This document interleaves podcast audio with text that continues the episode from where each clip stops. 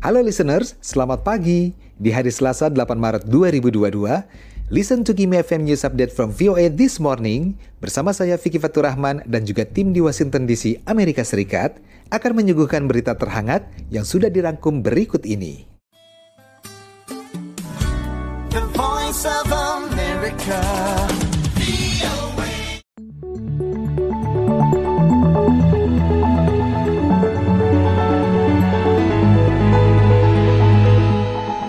This Morning.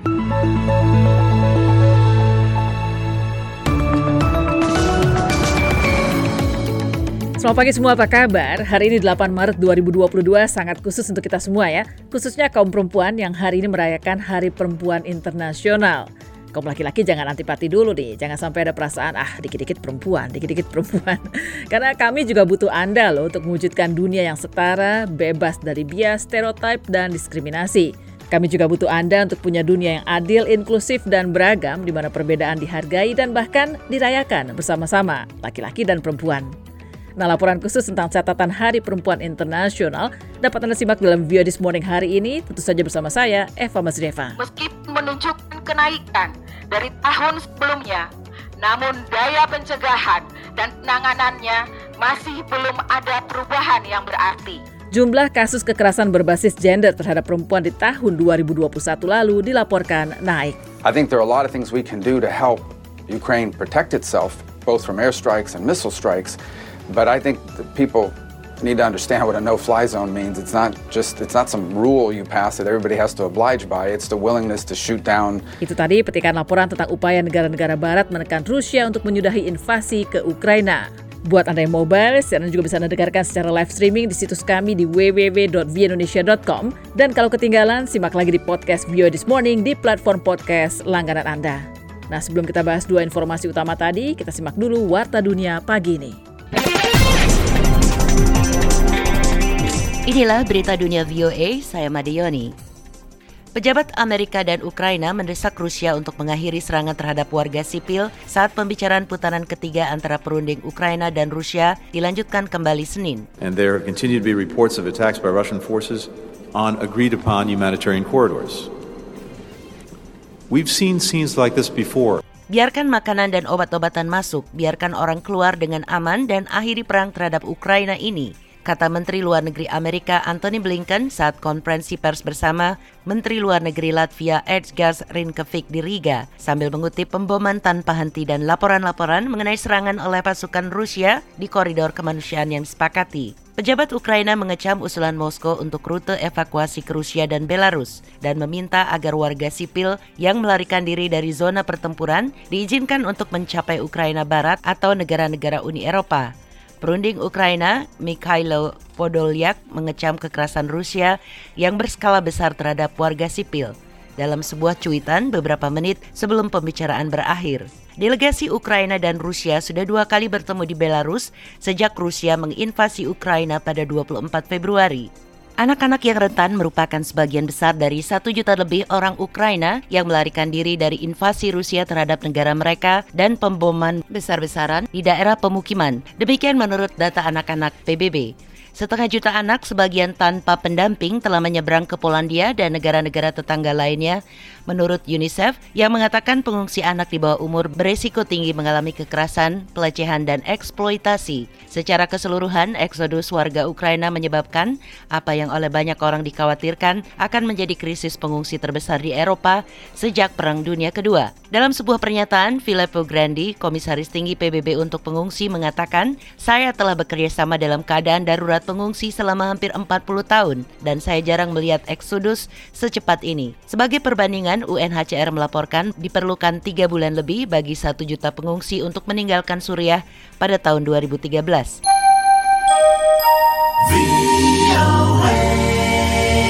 Organisasi Kesehatan Dunia WHO bersama dengan dua badan PBB lainnya Senin mengatakan akan memantau penularan COVID-19 di antara populasi hewan karena khawatir hal itu bisa mempermudah munculnya varian baru. Dalam pernyataan bersama, Food and Agriculture Organization atau Badan Pangan dan Pertanian dan World Organization for Animal Health atau Organisasi Dunia untuk Kesehatan Hewan Dan WHO mengatakan pandemi COVID-19 dipicu oleh penularan dari manusia ke manusia. Namun virus penyebab COVID-19 juga dikenal menginfeksi spesies hewan.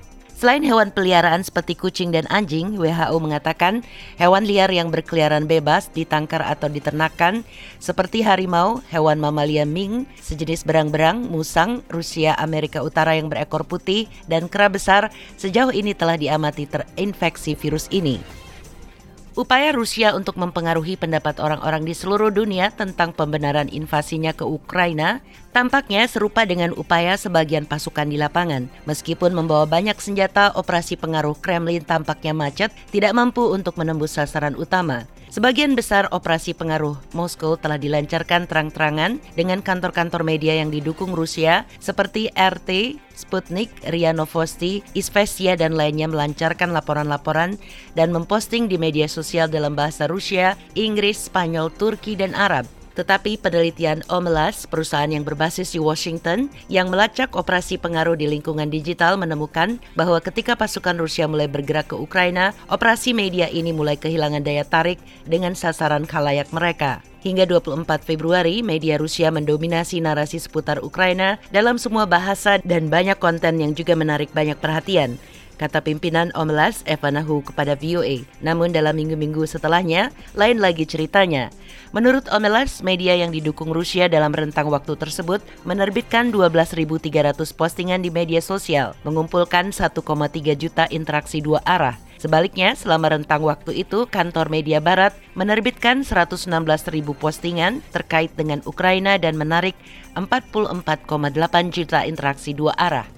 Menteri Luar Negeri Tiongkok Wang Yi Senin mengatakan negaranya bekerja sama dengan negara tetangga Afghanistan yang lain untuk membantu mempercepat pengiriman bantuan kemanusiaan ke Afghanistan dan mendesak Amerika agar membebaskan cadangan uang asing Afghanistan tanpa penundaan lebih jauh. Afghanistan berada dalam transisi kritis dari kekacauan ke ketertiban, kata Wang pada konferensi pers di Beijing. Ia merujuk pada perebutan kekuasaan oleh Taliban Agustus lalu, beberapa hari sebelum penarikan pasukan asing pimpinan Amerika dari negara yang dilanda perang itu selama hampir 20 tahun. Amerika pergi secara tidak bertanggung jawab dari Afghanistan, meninggalkan orang-orang Afghanistan dalam krisis kemanusiaan yang serius dan menciptakan tantangan keamanan yang sangat besar bagi stabilitas regional, kata diplomat tertinggi Tiongkok itu. Kami menyerukan pencabutan segera pembekuan aset Afghanistan di Amerika dan berbagai sanksi sepihak agar tanpa syarat mengembalikan aset milik rakyat Afghanistan, kata Wang. Demikian berita dunia VOA Washington, saya Madioni.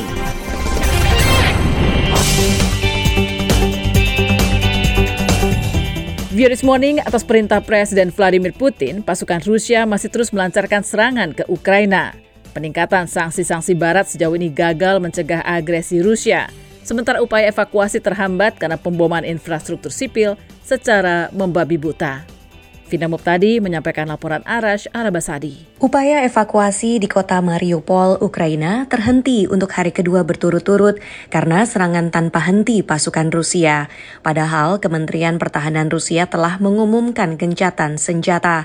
Presiden Ukraina Volodymyr Zelensky telah memohon diberlakukannya zona bebas terbang di atas Ukraina, namun gagal. Negara-negara barat menolak seruan itu, seperti disampaikan Senator Florida Marco Rubio yang berbicara dalam ABC This Week.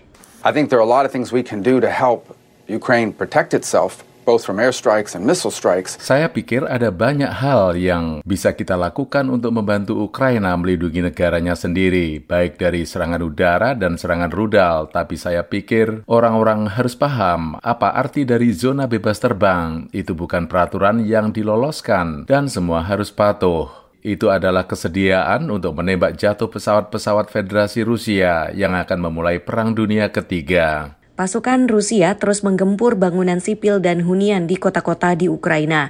Sementara negara-negara barat terus meningkatkan sanksi terhadap Presiden Rusia Vladimir Putin dan orang-orang yang dekat dengannya, menyebabkan nilai mata uang rubel anjlok. Putin menyebut sanksi-sanksi itu sebagai deklarasi perang, sementara ia sendiri berperang dengan tetangganya. Duta Besar Amerika untuk PBB Linda Thomas Greenfield berbicara pada minggu di ABC This Week. Ia mengatakan Presiden Rusia salah mengkalkulasi serangannya. This is not an easy way forward for President Putin. Ini bukan langkah maju yang mudah bagi Presiden Putin.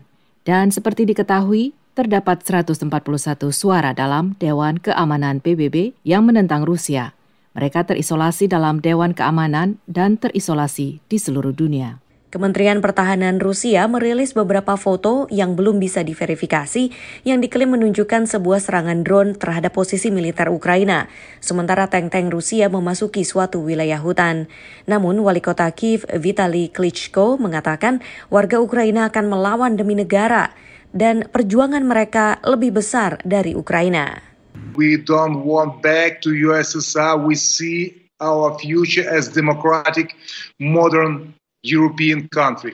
Kami tidak mau kembali ke USSR. Kami melihat masa depan kami sebagai negara Eropa yang demokratis dan modern, dan kami mengharapkan dukungan dari seluruh dunia karena kami berperang tidak hanya bagi Ukraina.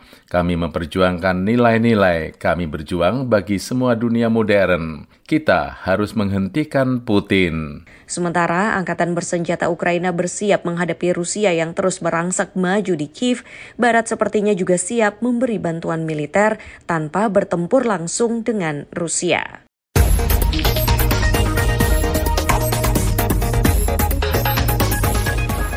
Детей 200-х вывозили, мирное население.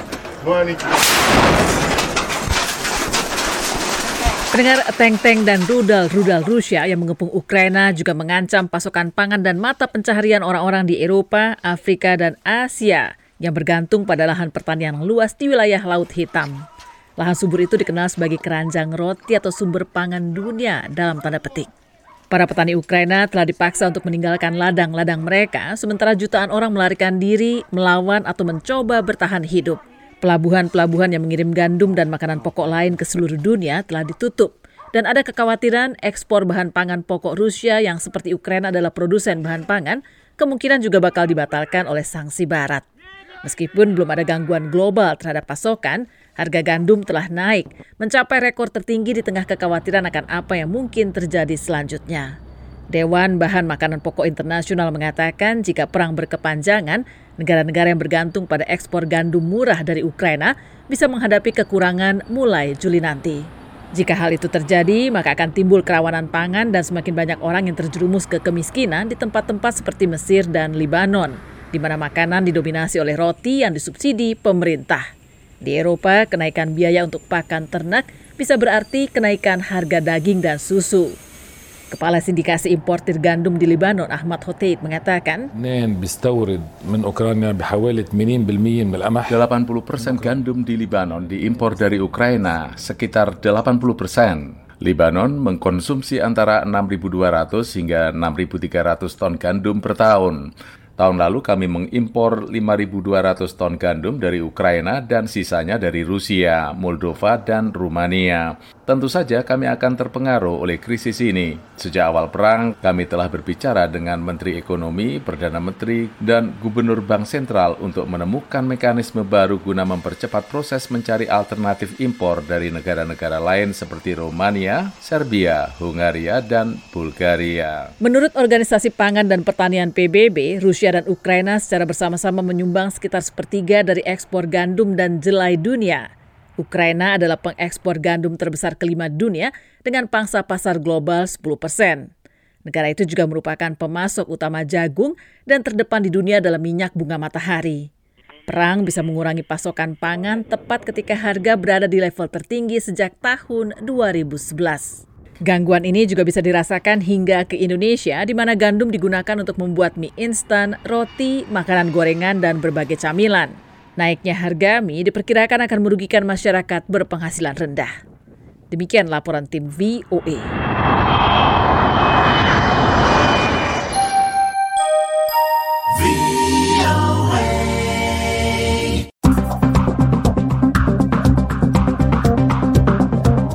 Jumlah kasus kekerasan berbasis gender terhadap perempuan naik tajam pada tahun 2021.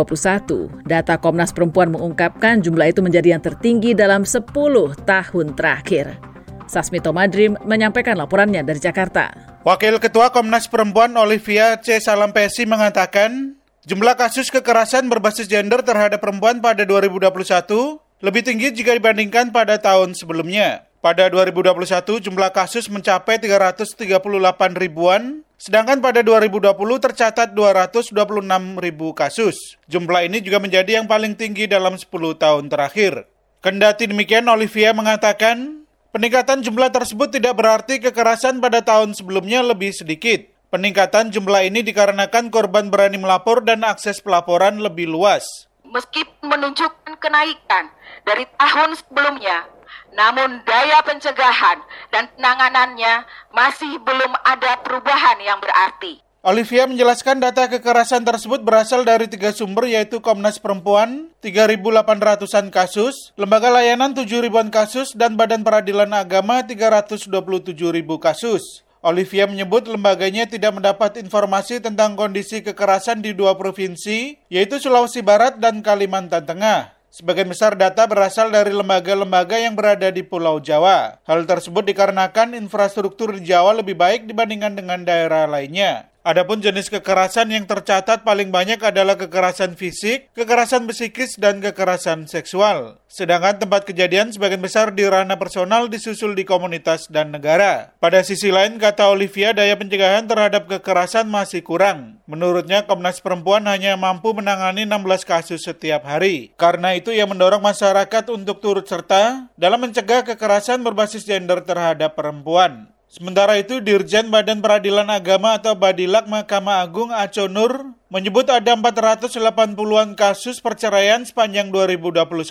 Data Badilak yang telah diverifikasi menjadi salah satu sumber terbanyak kasus kekerasan terhadap perempuan yang dicatat Komnas Perempuan. Aco menjelaskan terdapat jenis kekerasan yang mendominasi penyebab perceraian yaitu perselisihan terus-menerus dan kekerasan ekonomi atau tidak memberi nafkah ke istri dan anak. Sedangkan dari sisi pendidikan didominasi dari kelompok pendidikan SMA ke bawah. Pencegahan yang dapat dilakukan menurut peradilan agama, satu, upaya meningkatkan taraf pendidikan oleh pemerintah. Dia menambahkan pemerintah juga dapat melakukan pencegahan perkawinan dini dan melakukan sosialisasi mengenai perkawinan untuk mencegah terulangnya kasus kekerasan terhadap perempuan. Dari Jakarta, Sasmita Madri melaporkan untuk VOA Washington.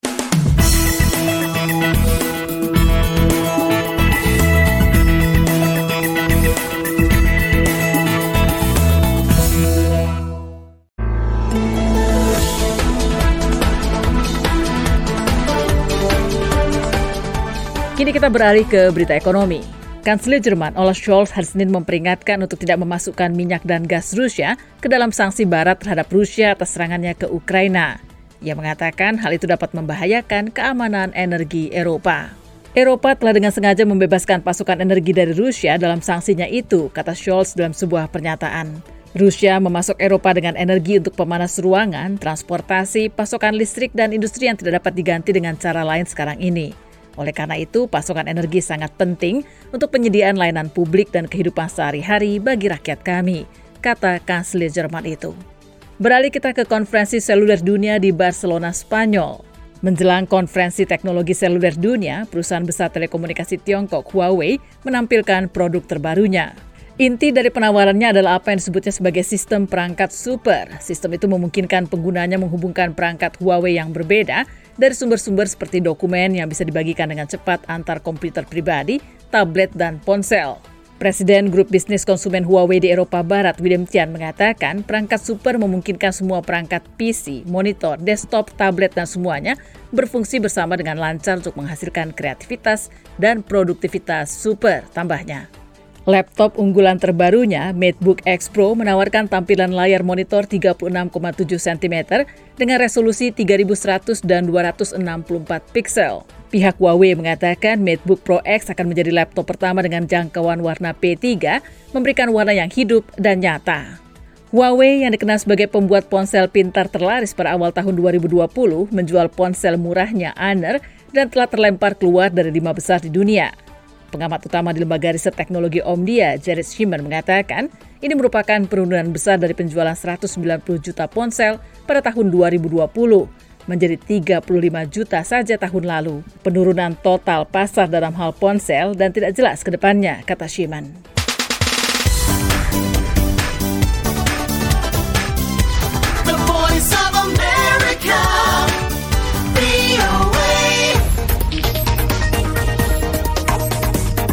Berbagai pelonggaran kembali diberlakukan pemerintah di masa pandemi COVID-19. Hal ini dilakukan sebagai bagian dari upaya transisi menuju endemi. Gita Intan melaporkan dari Jakarta. Menko Maritim dan Investasi Luhut Binsar Panjaitan mengungkapkan pemerintah kembali melakukan berbagai pelonggaran pengetatan di masa pandemi COVID-19 sebagai upaya transisi dari pandemi menuju endemi. Luhut mengatakan berbagai kebijakan yang telah diputuskan saat ini tentunya berdasarkan rekomendasi dari para pakar dan tetap dilakukan dengan menjunjung tinggi prinsip kehati-hatian. Perlu kami tegaskan bahwa semua kebijakan dalam proses transisi yang akan kita lalui bersama ini bukan dilakukan secara terburu-buru. Kita harus sudah siap untuk menuju satu proses transisi secara bertahap dengan menerapkan kebijakan eh, berbasiskan data yang ada. Ia menjelaskan berbagai pelonggaran tersebut yakni meniadakan persyaratan bukti tes negatif PCR dan antigen bagi pelaku perjalanan domestik yang sudah melakukan vaksinasi COVID-19 dosis lengkap melalui transportasi udara, darat, dan laut. Selain itu, seluruh kompetisi olahraga diperbolehkan untuk menerima penonton yang sudah melakukan vaksinasi booster. Pemerintah juga mempercepat uji coba tanpa karantina di Bali bagi PPLN yang semula akan diberlakukan pada 14 Maret menjadi 7 Maret 2022 dengan berbagai persyaratan. Di antaranya, PPLN yang datang harus menunjukkan bukti pembayaran hotel minimal 4 hari atau menunjukkan bukti domisili di Bali bagi WNI. Selain itu, PPLN juga harus sudah divaksinasi COVID-19 lengkap atau booster. Lebih lanjut, pemerintah juga telah menerapkan visa on arrival di Bali untuk 23 negara. Bila uji coba tanpa karantina di Bali ini berhasil, ujar Luhut, maka pemerintah akan memberlakukan pembebasan karantina bagi PPLN untuk masuk ke tanah air mulai 1 April 2022 atau bahkan bisa lebih cepat. Ahli epidemiologi dari Universitas Griffith Australia, Diki Buniman mengungkapkan, kebijakan meniadakan persyaratan hasil tes negatif antigen atau PCR bagi pelaku perjalanan domestik bisa dilakukan, namun harus disertai dengan indikator kesehatan yang kuat. Diki menjelaskan indikator epidemiologi yang perlu diperkuat Misalnya, dengan meningkatkan genomic surveillance kepada pelaku perjalanan domestik dalam kurun waktu tertentu secara acak. Hal ini katanya diperlukan untuk mengetahui tren kasus positif yang ada. Adanya kebe atau keberadaan seseorang status seseorang sudah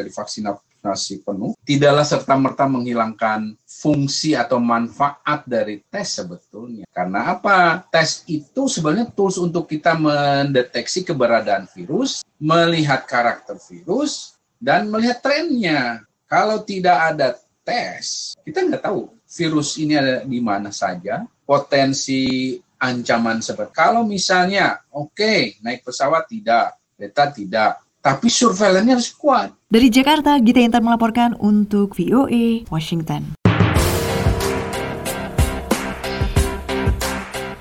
Indonesia boleh berbangga hati karena memiliki enam dari tujuh spesies penyu yang ada di dunia. Namun kebanggaan itu kemungkinan akan sirna karena semua spesies itu dalam keadaan terancam atau hampir terancam punah.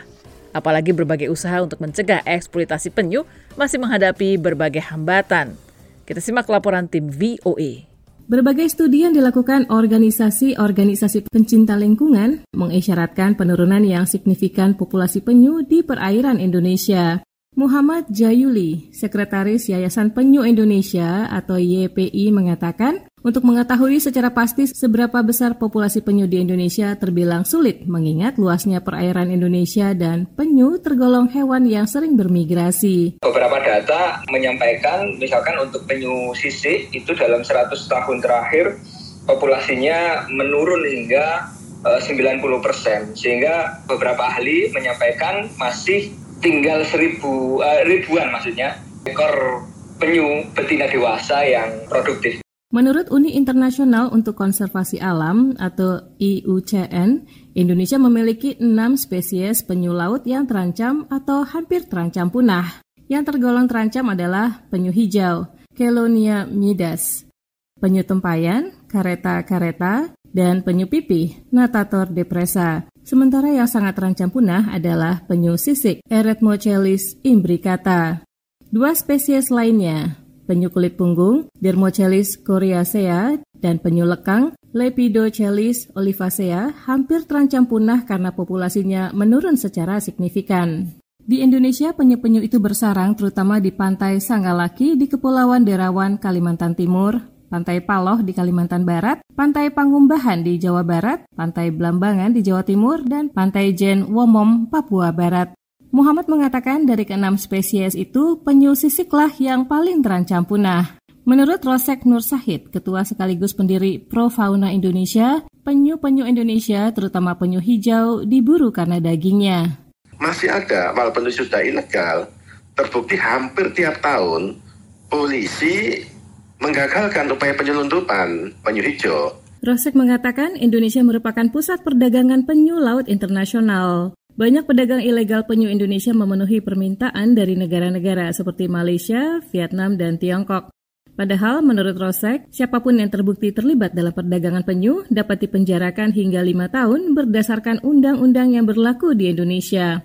Menurut Kepala Balai Konservasi dan Sumber Daya Alam atau BKSDA Bali, Agus Budi Santoso, berbagai upaya telah digelar untuk melestarikan penyu secara nasional, termasuk dengan menggelar kampanye Keren Tanpa Sisik sejak akhir tahun 2019 dan melepas tukik atau anak penyu ke laut secara beramai-ramai. Sekian laporan tim VOA Arif Budiman, Lea Johannes. Kini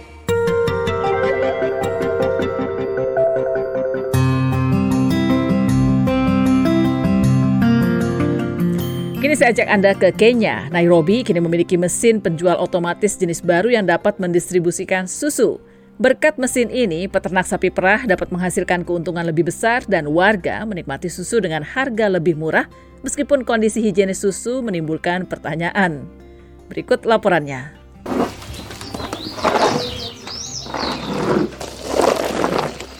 Mesin penjual otomatis tampak bermunculan di seluruh Kenya. Warga memilih untuk membeli susu dari mesin yang mereka sebut ATM itu hanya karena harganya lebih murah.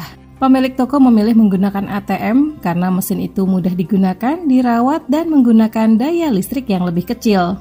ATM itu menjual berbagai macam produk mulai dari susu, minyak goreng, hingga air. Amos Jerry, peternak sapi perah dari Kabupaten Kiambu di Kenya memulai pagi harinya dengan membersihkan kandang sapi dan memberi makan sapi-sapinya. Ia kemudian memerah sapi-sapi secara manual dengan bantuan seorang karyawan. Susu tersebut kemudian disaring, dipasteurisasi, dituangkan ke dalam botol susu besar, dan siap untuk dikirim.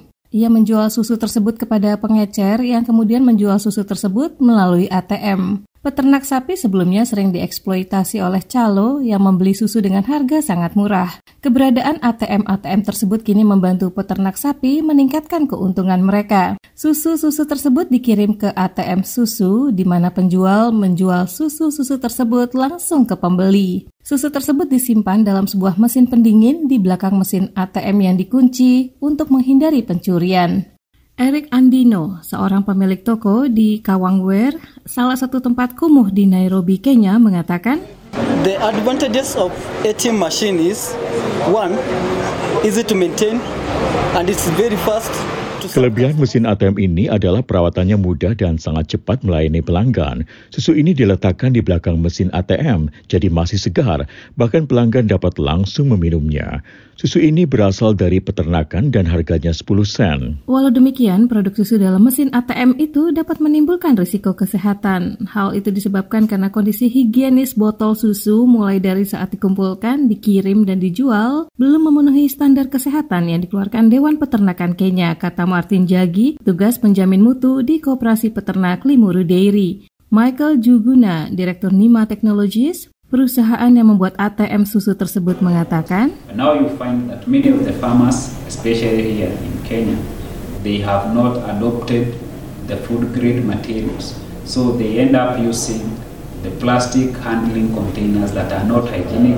Kini Anda mendapati bahwa banyak peternak terutama di sini di Kenya, mereka belum menerapkan material sesuai standar kesehatan makanan, jadi mereka akhirnya menggunakan wadah plastik yang tidak higienis sama sekali. Anda tidak dapat menjamin bahwa itu higienis karena Anda tidak dapat membersihkannya dengan baik, bahkan dengan menggunakan air panas dan deterjen lain. Perusahaan Juguna memproduksi mesin ATM yang berbiaya sekitar 600 hingga 700 dolar dan menjualnya seharga 950 dolar. Namun terlepas dari kenyamanan yang disediakan ATM bagi peternak sapi perah, penjual, dan pelanggan, higienis makanan perlu diperhatikan, kata Jagi. Sekian laporan tim VOA, Lea Johannes, Washington DC.